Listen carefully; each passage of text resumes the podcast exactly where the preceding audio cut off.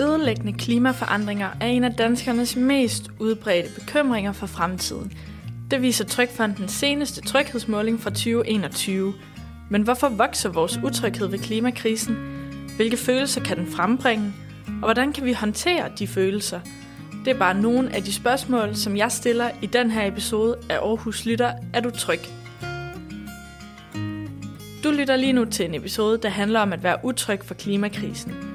Du har måske selv mærket en knude i maven, når du har set billeder i medierne, som viser naturkatastrofer forårsaget af klimaforandringer. I den her episode skal du møde både klimapsykolog Solvej Røbstorff, Gina, der på egen krop har mærket de følelser, som klimakrisen kan forårsage, og så ungdomsskoleholdet Bæredygtig Medlevning. Og så håber jeg på, at jeg kan blive klogere på, hvordan man kan passe på sig selv i en tid, hvor klimakrisen fylder mere og mere i vores hverdag. Jeg har besøgt klimapsykolog Solvej Røbstorff i hendes praksis for at blive klogere på, hvorfor klimakrisen fylder så meget hos os. Det ser ud til, at vi skal til at vende os til et nyt ord, klimapsykologi. Jeg spurgte Solvej, hvad klimapsykologi egentlig er.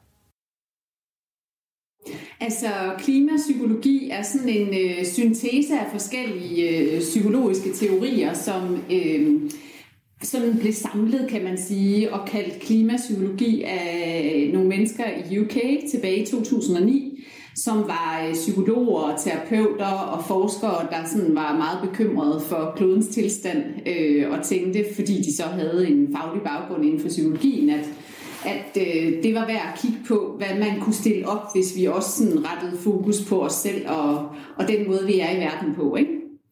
Øh, og det er sådan, klimapsykologien trækker blandt andet på, på økopsykologien, altså som handler om vores tilknytning til og forbundethed med naturen. Og så trækker den på dybdepsykologi, på øh, alt det, vi ikke sådan lige umiddelbart har øh, måske kontrol over, og en masse altså, ubevidste følelser og ting, som sådan øh, også, som vi også rummer. Øh, og så kigger man også på psykosociale teorier, altså hvad er det for en kultur, vi lever i, hvad er det for en samtid, vi har, hvordan ser det gode liv ud her, ikke? og det kan man sige sådan, det har jo i hvert fald i vores kultur eller samfund rigtig meget også været forbundet, det gode liv med øh, altså materiel velstand og forbrug. Ikke? Hvordan øh, kom du så til at arbejde med klimapsykologi? Ja, det gjorde jeg faktisk, fordi jeg selv tilbage i 2018, hvor der var den her øh, meget, meget varme sommer, som ikke stoppede. Øhm, I starten der tænkte jeg, ej, mega dejligt med sådan en varm sommer. Gik jeg rundt op i mit sommerhus og vandede sådan en æble, en, en æble, altså 50 små æblebuskplanter, øh, jeg havde plantet i starten af foråret, og de blev mere og mere kvæste, fordi jorden simpelthen forandrede sig helt bogstaveligt fra at være sådan en fed, lækker lærjord, man nærmest kan altså, lave keramikskulptur af, til at blive sådan helt krakederet. Altså, det, jeg kunne simpelthen følge den der øh, varme, der blev til tørke, og sådan udtørret alt.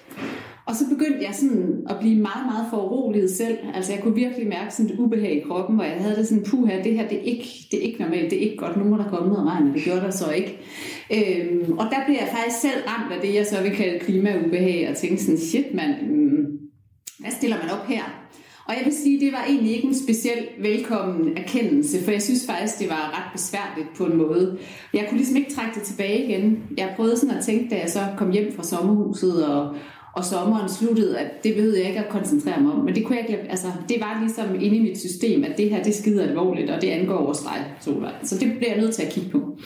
Og så kiggede jeg ud i psykologien og tænkte, der må være noget her, jeg kan bruge, som, som kan sige noget om det. Så det startede i virkeligheden som sådan personlig, øh, et personligt anlæggende, der førte til en masse research. Og så mødte jeg hen ad vejen, også stødte jeg på et, og der blev jeg rigtig glad, øh, det her netværk, som hedder Climate Psychology Alliance, som er sådan et, øh, altså baseret i UK, men et internationalt netværk af alle mulige mennesker herunder, psykologer og psykoterapeuter, forskere, kunstnere, bekymrede forældre, øh, geologer, alle mulige forskellige mennesker, der sammen arbejder med, hvordan øh, man kan bruge psykologien på alle mulige måder til at øh, bekæmpe klimakrisen. Og så, ja, lidt i forlængelse af det egentlig, så vil jeg også gerne høre, hvorfor tror du, at der de senere år er kommet mere fokus på ja, de her følelser, nu nævnte du selv øh, klimaubehag, hvorfor rammer det os nu, og ikke for 10-15 år siden? Man kan sige, at det er jo på en måde kommet tættere på. Vi hører mere om det i dag. Altså for 15 år siden var det måske nogle få, der sådan, tror jeg rigtig mærkede det og var sådan oprigtigt bekymrede. Blandt andet jo dem, der har forsket i det i mange år og beskæftiget sig med det professionelt. De har jo været rigtig bekymrede i mange år. Men vi har jo hørt mere og mere om det. Øh, og på en måde kan man sige, at der jo også rundt om i verden er en masse synlige tegn nu på, at noget er forandret. Ikke? Der er sådan ustoppelige skovbrænde, hvor man ser dyr, der dør. Altså vi har i mange år set isbjørne. Nu har vi også for eksempel øh, for et par år siden set en masse brændte koalabjørne og andre ting. Og sidste sommer kom det rigtig tæt på os, hvor øh, der var en masse oversvømmelser lige syd for vores grænse i Tyskland. Øh, altså naturkatastrofer. Øh, der opstår som følge af klimaforandringer, det er også noget, der på en måde er med til at råbe os lidt op, tror jeg. Øh, så der er jo nogle ting, der sådan er kommet tættere på, som, som mange tænker, øhm, okay, det har faktisk også noget med mig at gøre. Ikke? Jeg tror, den der med at kunne holde det helt ude i strakt arm, det, det, det er der mange, der ikke længere kan. Og så, så skaber det noget uro i os øh, af gode grunde. Ja, fordi nu siger du selv det her med, sådan, at det bliver svært at holde det ud i strækt arm, især fordi at det jo kommer tættere på, mm. end det måske har været tidligere. Mm. Men det jeg også hører mange sige, det er, at de har svært ved at håndtere, øh, at det så er kommet så tæt på både alle de følelser, der så mm. kommer med, men også mm. hvad de rent, hvad man selv egentlig kan gøre ved det. Hvorfor tror du, at det for os som mennesker er så svært at håndtere klimakrisen? Fordi det er sådan en kæmpe stor koloss. Altså man kan sige sådan, det er jo ikke noget, vi kan afvise og sige sådan, at det findes ikke, og det går over om lidt. Det er kommet for at blive, altså, øh, og man kan sige, konsekvenserne af det kommer kun til at eskalere fremover. Så på den måde, så er det sådan en meget stor anmasende ting, som vi kan kigge på, øh, og hvor starter man, og hvor slutter man ikke. Samtidig med, at man kan sige, at vi har jo faktisk virkelig travlt, så er der nogle ting i vores kognitive øh, struktur, den måde, vi danner mening på ud fra, øh, altså han har sagt, at øh, de redskaber, kognitive redskaber, vi har til rådighed, der er det faktisk rigtig svært at begribe det, fordi det på en måde går lidt for langsomt der. Øh, vi kan ikke rigtig, altså man kan jo ikke få øje på en CO2-udledning, øh, så, så der er nogle ting, der gør, at vi sådan med på den ene side godt forstår det, og på den anden side ikke rigtig forstår det. Det er en ting, det er svært at få, få has om på den måde, ikke? Øhm, og så er der noget andet, som handler om, at vi bliver overvældet af det. Øh, hvis man sådan rigtig går ind i det, så er der rigtig mange mennesker, der hurtigt synes, puh, det er for meget det her, og så afleder man sig selv, gør noget andet. Det kan være, at man lige når mærke sådan lidt kvalme, eller stikker ubehag, eller et eller andet, puha, det her, det, det kan jeg sgu ikke forholde mig til, nu må jeg gøre noget andet. Øh, fordi det simpelthen er for meget. Øh, altså man kan meget hurtigt føle sig skakmat, og ikke vide, øh, hvad man skal stille op. Øhm, og så er der jo, altså det kan aktivere alle mulige følelser. Øh, ubehag, angst, vrede, sorg, fortvivlelse. Øh, altså der kan være alle mulige følelser, der opstår, fordi man står med et eller andet, som er meget stort, anmæsende og overvældende, og man ikke helt ved, hvad man skal stille op. Ifølge tryghedsmålingen er klimaforandringerne blevet en helt dominerende bekymring for cirka hver femte dansker. Så hvis du går og bekymrer dig for klimaet, så er du altså ikke alene. Især unge er bekymrede for klimaet, og allerede i 2018 viste en udgivelse fra Concitos grønne tænketank, at 71 procent af de 18-29-årige mener, at globale klimaforandringer er et meget alvorligt problem. Solvej fortæller om de følelser, der blev vækket hos hende, da hun så, hvordan klimaforandringer ændrede hendes have – det gjorde mig interesseret i de mange følelser, som klimakrisen har bragt med sig blandt mange unge. Derfor mødtes jeg med China. China har lidt af svær klimaangst. Jeg spurgte China om, hvorvidt klimaet altid har haft stor betydning i hendes liv. Det har det faktisk ikke. Øhm, det er først for nylig her. Jeg, er, jeg fylder 32 år her lige om lidt, og øhm, så det er egentlig først sådan i skal man sige, måske sådan midten af 20'erne, jeg er begyndt at være rigtig opmærksom på det da jeg ligesom mødte en, en kvinde, som, øh, som fik mig til at indse, hvad det er, der foregår. Øh, det var jo ikke noget, der var sådan super op og, op og, altså, jeg op i medierne eller noget på det tidspunkt. Det var først her inden for det sidste, det sidste stykke tid, og det er kommet frem. Så jeg gik jo i lykkelig uvidenhed om, hvad det, hvad det var. Øh, så, øh, så indtil da, så har jeg egentlig ikke tænkt så meget over det. Øh, men øh, da jeg ligesom fik øh, lidt mere syn på sagen, så var det virkelig noget, der fyldte. Så, øh, så det er relativt nyt, men det fylder meget nu. Hvornår oplevede du så første gang, at det påvirkede dig negativt i så høj grad, at det ikke længere var sundt for dig? Jamen, det var, det, det var der omkring, altså, da jeg, da jeg mødte øh, min nuværende veninde, men dengang øh, nyt bekendtskab, øh, og hun ligesom fortalte, hvad det var. Øh, der, der, der skete øh, rundt omkring, altså både på sådan menneskeligt, øh, altså sådan øh, med arbejdervilkår og den slags, dem der producerer alle vores ting nede i Indien og i, i Kina, hvor, der, øh, hvor, hvor tingene bliver lavet, men også øh, rent sådan altså, ja, klima og, øh, og værmæssigt, hvad der kommer til at ske, hvis ikke vi stopper med det her overproduktion og, og, og ligesom ændre kurs. Øh, så der har jeg været en 5-26, øh, sådan noget i den stil, øh, hvor at, at jeg virkelig, altså jeg gik og blev sådan helt deprimeret, altså og angst for, hvordan der skal, hvordan vi nogensinde skulle komme på rette vej igen, og øh, fik den der sådan, hvad hedder sådan noget, sense of urgency, altså at vi skulle være sådan, vi må gøre noget nu, nu, nu. og nu fortalte du lidt om de her følelser, som du blev ramt af, øh, blandt andet angst. Altså, hvordan, hvordan oplevede du de følelser? Mm, jamen, øh, det var jo, øh, altså, det, det, meget af det var sådan noget panikangst, altså, hvor jeg, jeg læste en artikel, og så gik sådan helt i, i panik øh, og, og blev meget, meget bange, meget, meget hurtigt. Øh, og, og fik ligesom... Øh, jamen, altså det er nok, hvad man, hvad man vil kalde et sådan panikanfald eller sådan angstanfald, hvor at, at, øh, at sådan hyperventilation og, og græd og fik alle de her katastrofetanker, ikke? Øh, som om, at der var noget farligt, der skete lige nu og her, fordi det var sådan, jeg oplevede det. Øh, det var, det var øh, sådan en dødsangst, der kom ind over, at, at øh, jamen, når jeg læste, at i og, øh, år 2050, så vil nærmest øh, jorden være ubeboelig, jamen øh, det, det var meget voldsomt. Øh, fordi jeg tænkte på alle de, de øh, altså, jamen det er jo stadig, der er jeg stadigvæk i live, og hvad så, så dør vi alle sammen, eller hvordan, og hvad hvis jeg har fået børn, jamen så får de slet ikke lov at, at vokse op, og sådan. Så det var øh, sådan meget panik, øh, angst, jeg fik øh, af det. Og, øh, og have det sådan hele tiden, det, det, det, det bliver man deprimeret af. så øh, det var, øh, det, det er sådan en, øh, også en, en sådan sovetilstand, som jeg tror også mange unge har i dag, at, at de ligesom sørger på forhånd for, øh, for den verden, som de ser forsvinde. Øh, eller de muligheder, som de ser forsvinde. Var der så en eller anden form for kulmination i det, hvor du lige pludselig kunne mærke, at nu var du nødt til at, at ændre noget? Øh, jamen, det var nok, da jeg havde haft nok af de her panikangstanfaldslignende tilstanden, hvor at jeg ligesom snakkede med min veninde om, og sådan, hvordan, hvordan har du kunne, hvordan har du kunne, øh, kunne leve med det her? Altså, fordi hun, hun var ligesom en af de første, og da jeg mødte hende, havde hun allerede været i gang en, omkring 10 år med, med, med bæredygtighed og med klima, øh, hvad hedder det, revolutionen, skulle jeg til at sige. Øh, hvordan, hvordan kan man holde til det her? Øh, hvor hun ligesom sagde, at det kan man heller ikke.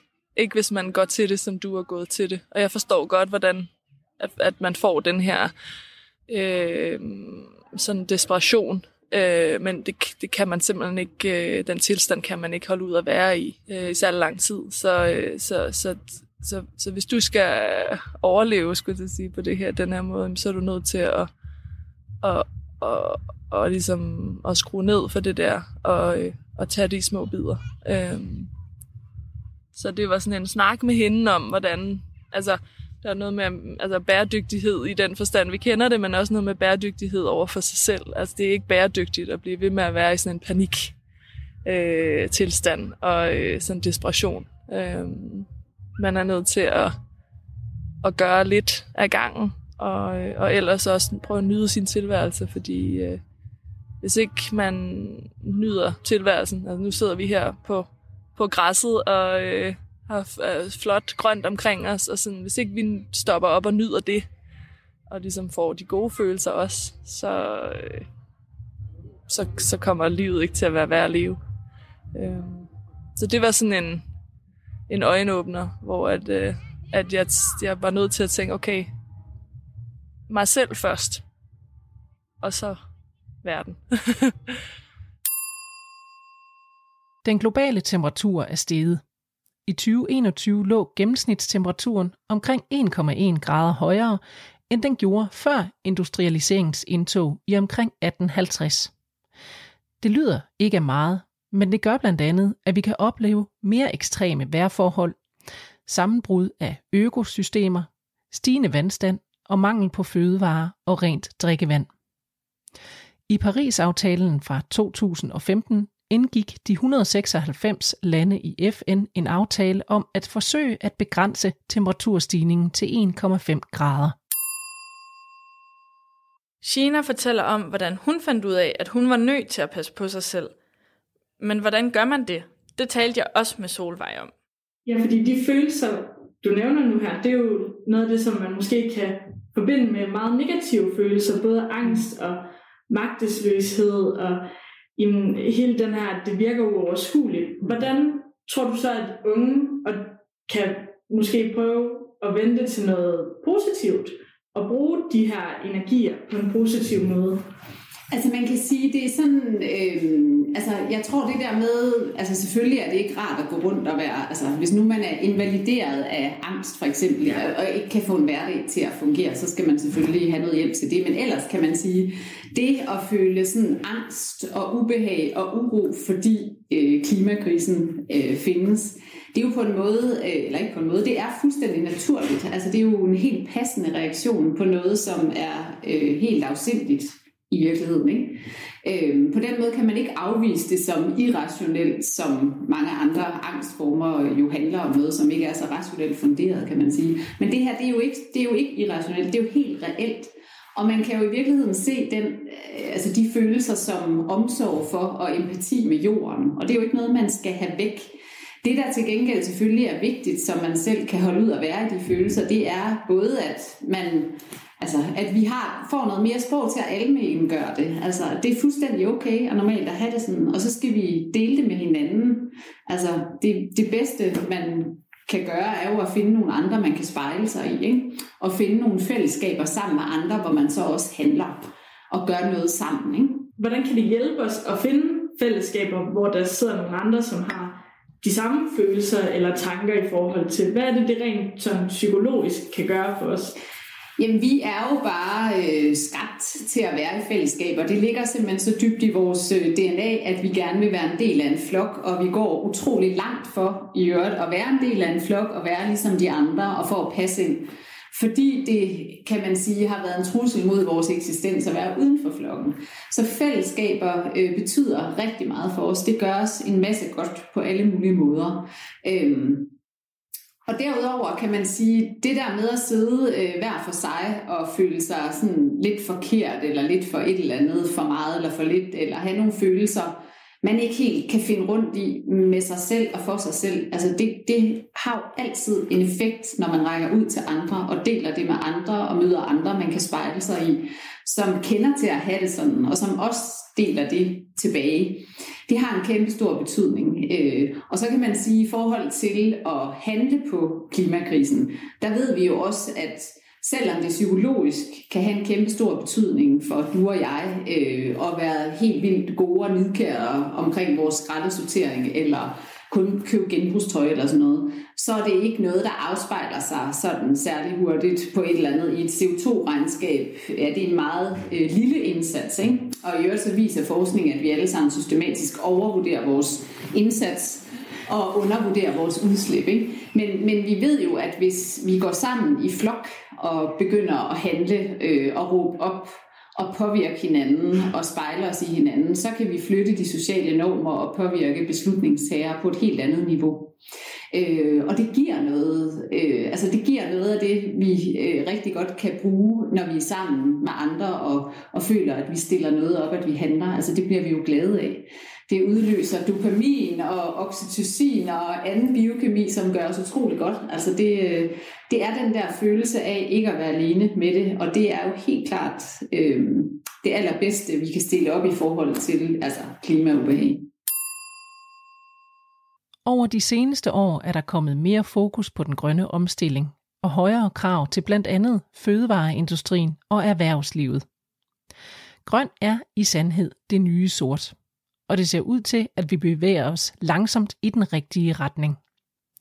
På baggrund af FN's klimarapport fra 2021 udpeger klimaforskeren Sække Hausfather blandt andet, at klimaet har bedre udsigter nu, end det havde for 10 år siden.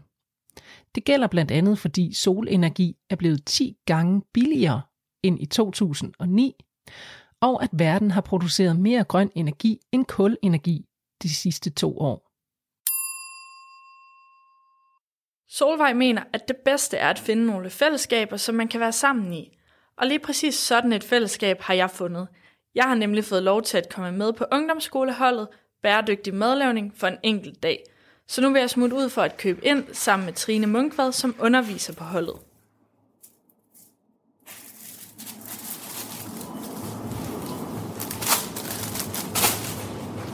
Trine, kan du ikke lige fortælle, hvad det er, vi skal handle ind til i dag? Jo, vi skal lave øh, pasta med hjemmelavet spinatpesto af dansk spinat. Okay. Øh, og så skal vi forhåbentlig lave grønkålschips.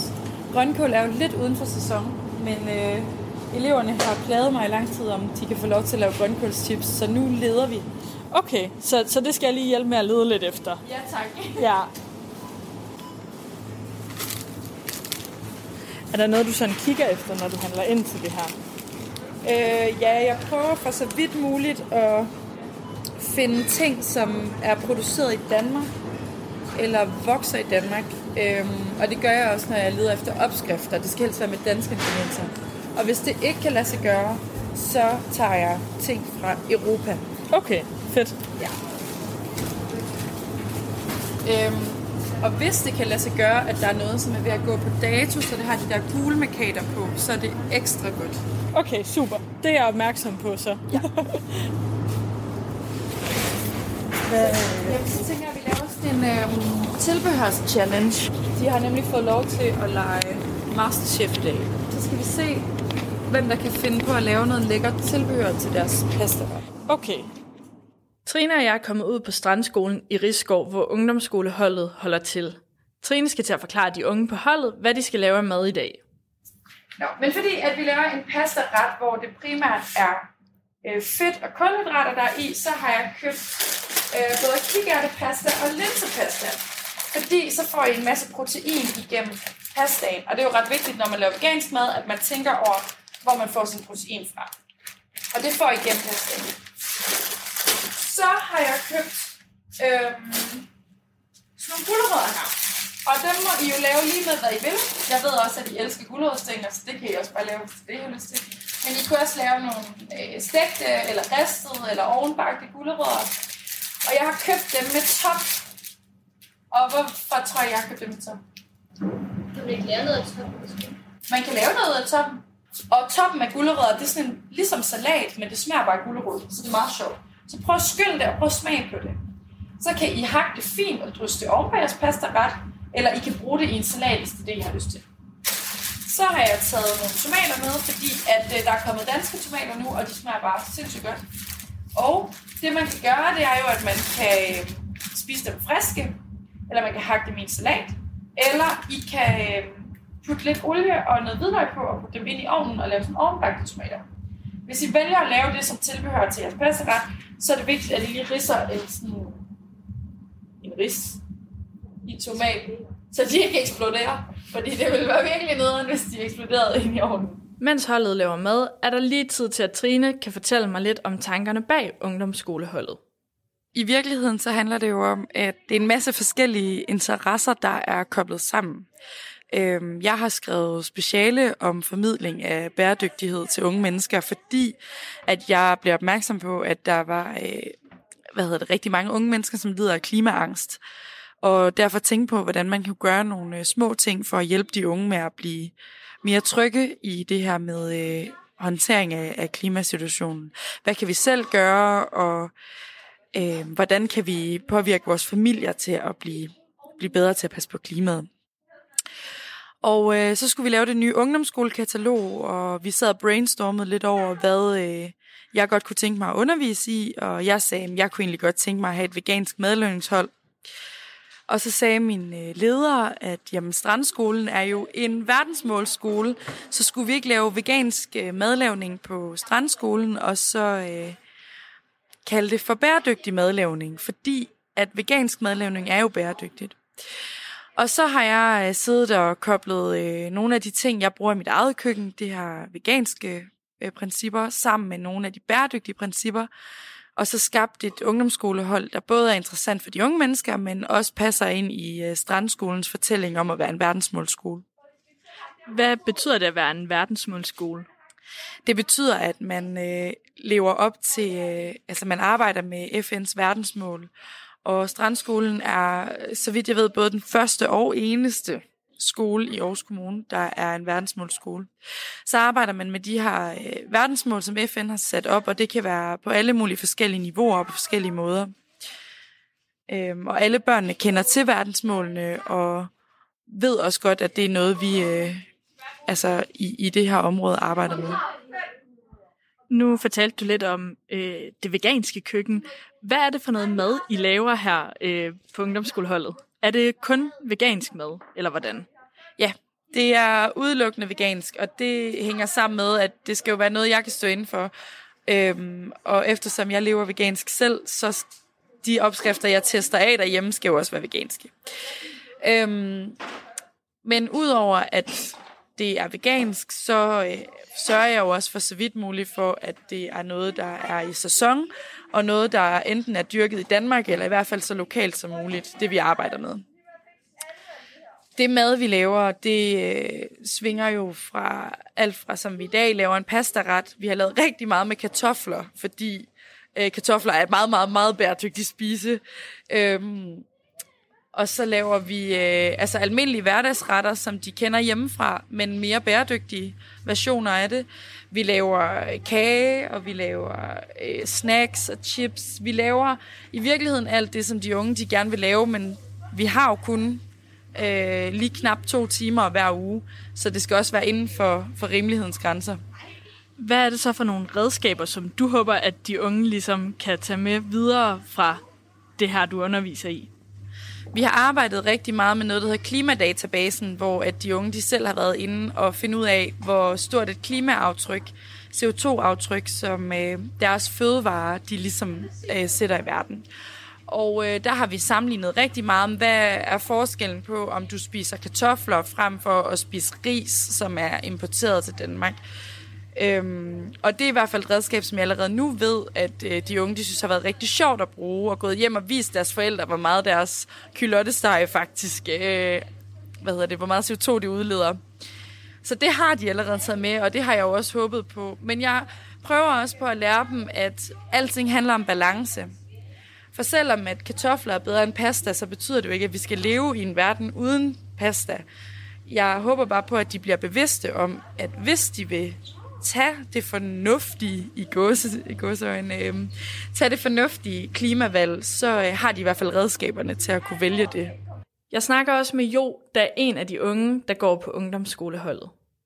Jeg tænker på, hvad, hvad laver du lige nu? Jeg tager topperne fra gulerødderne og øhm, plukker dem lidt, og så skal de i ovnen sammen med det orange for gulerødderne, og øh, med olie og salt og peber. Det lyder mega lækkert. Har du så tid til lige at snakke lidt, imens du står og piller det fra hinanden? Ja, det har jeg da i hvert fald. Okay, jeg tænker lidt på, hvad er det vigtigste, du sådan synes, du har lært øh, på det her bæredygtige madlavningshold? Øhm, altså, det vigtigste, jeg har lært, det er det nok at vide, hvor meget CO2 det udlever.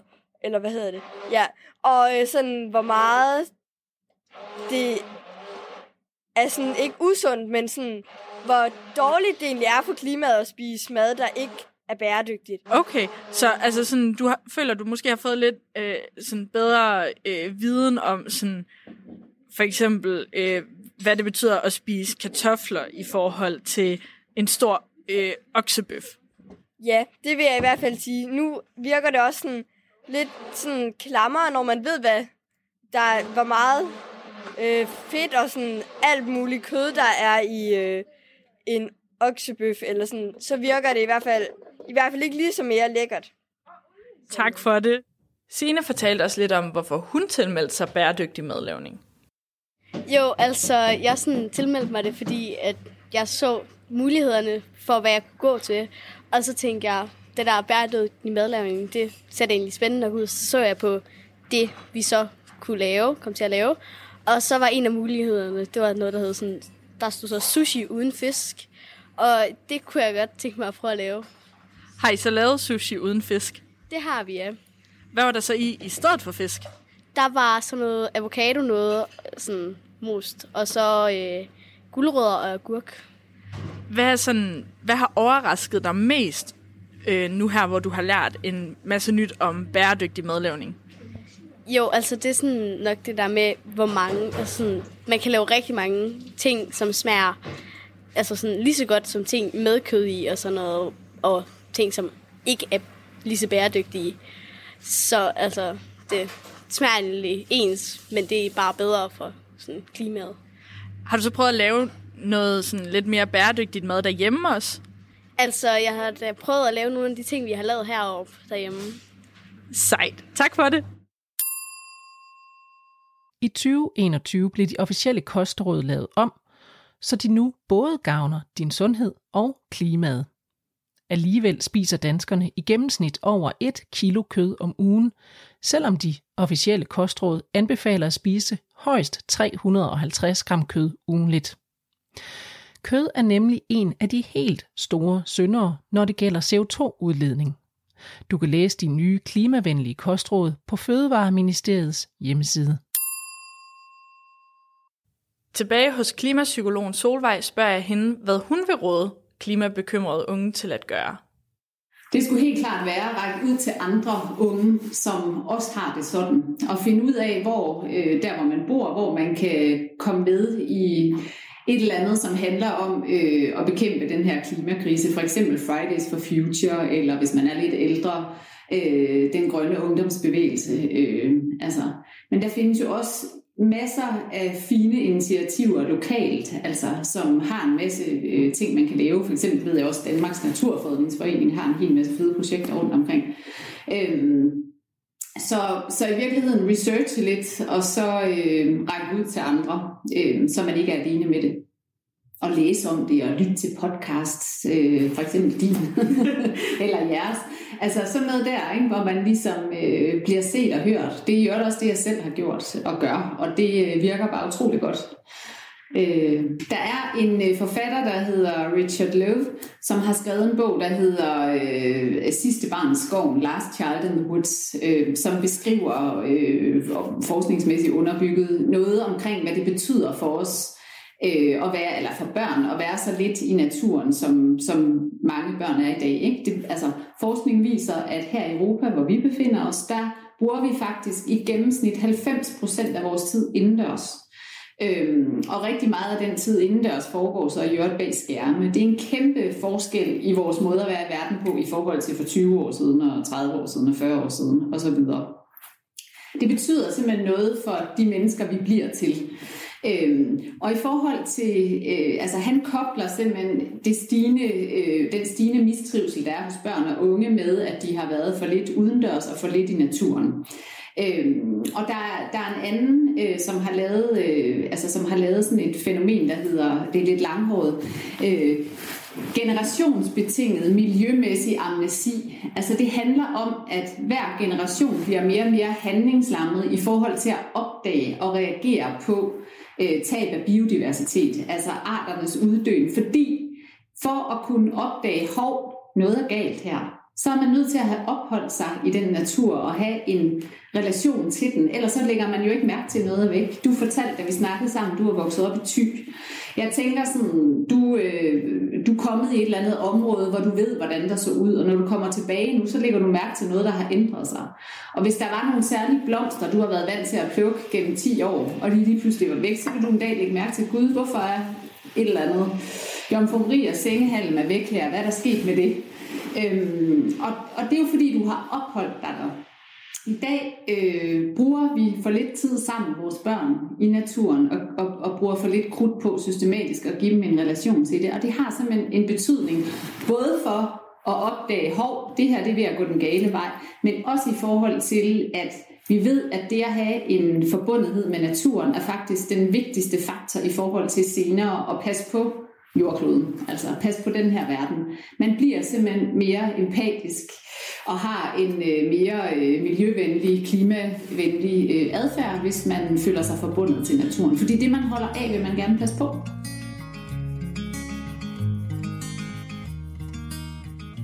Så vandrer skoene på og ud i naturen, hvor du kan lytte til Fuglekvider eller Aarhus Lytter podcasten. I hvert fald tak for, at du lyttede med i dag. Hvis du er interesseret i nogle af de klimafællesskaber, som Solvej nævnt, kan du finde links i programteksten. Tak til Solvej Røbstorff, Shina, Trine Munkvad, Jo, Sine, Sofie og Hilde for at deltage i denne episode. Podcasten er tilrettelagt og produceret af mig, Katrine Klit. Redaktør er Anne Kaiser, og redaktionschef er Tine Holm Mathiasen. Hvis du har kommentarer eller gode idéer til produktionen, kan du skrive til os på aarhuslytter eller du kan finde os på Instagram som Aarhus Lytter. Du kan også allerede nu lytte til vores to episoder om stress. Tak for, at du lyttede med.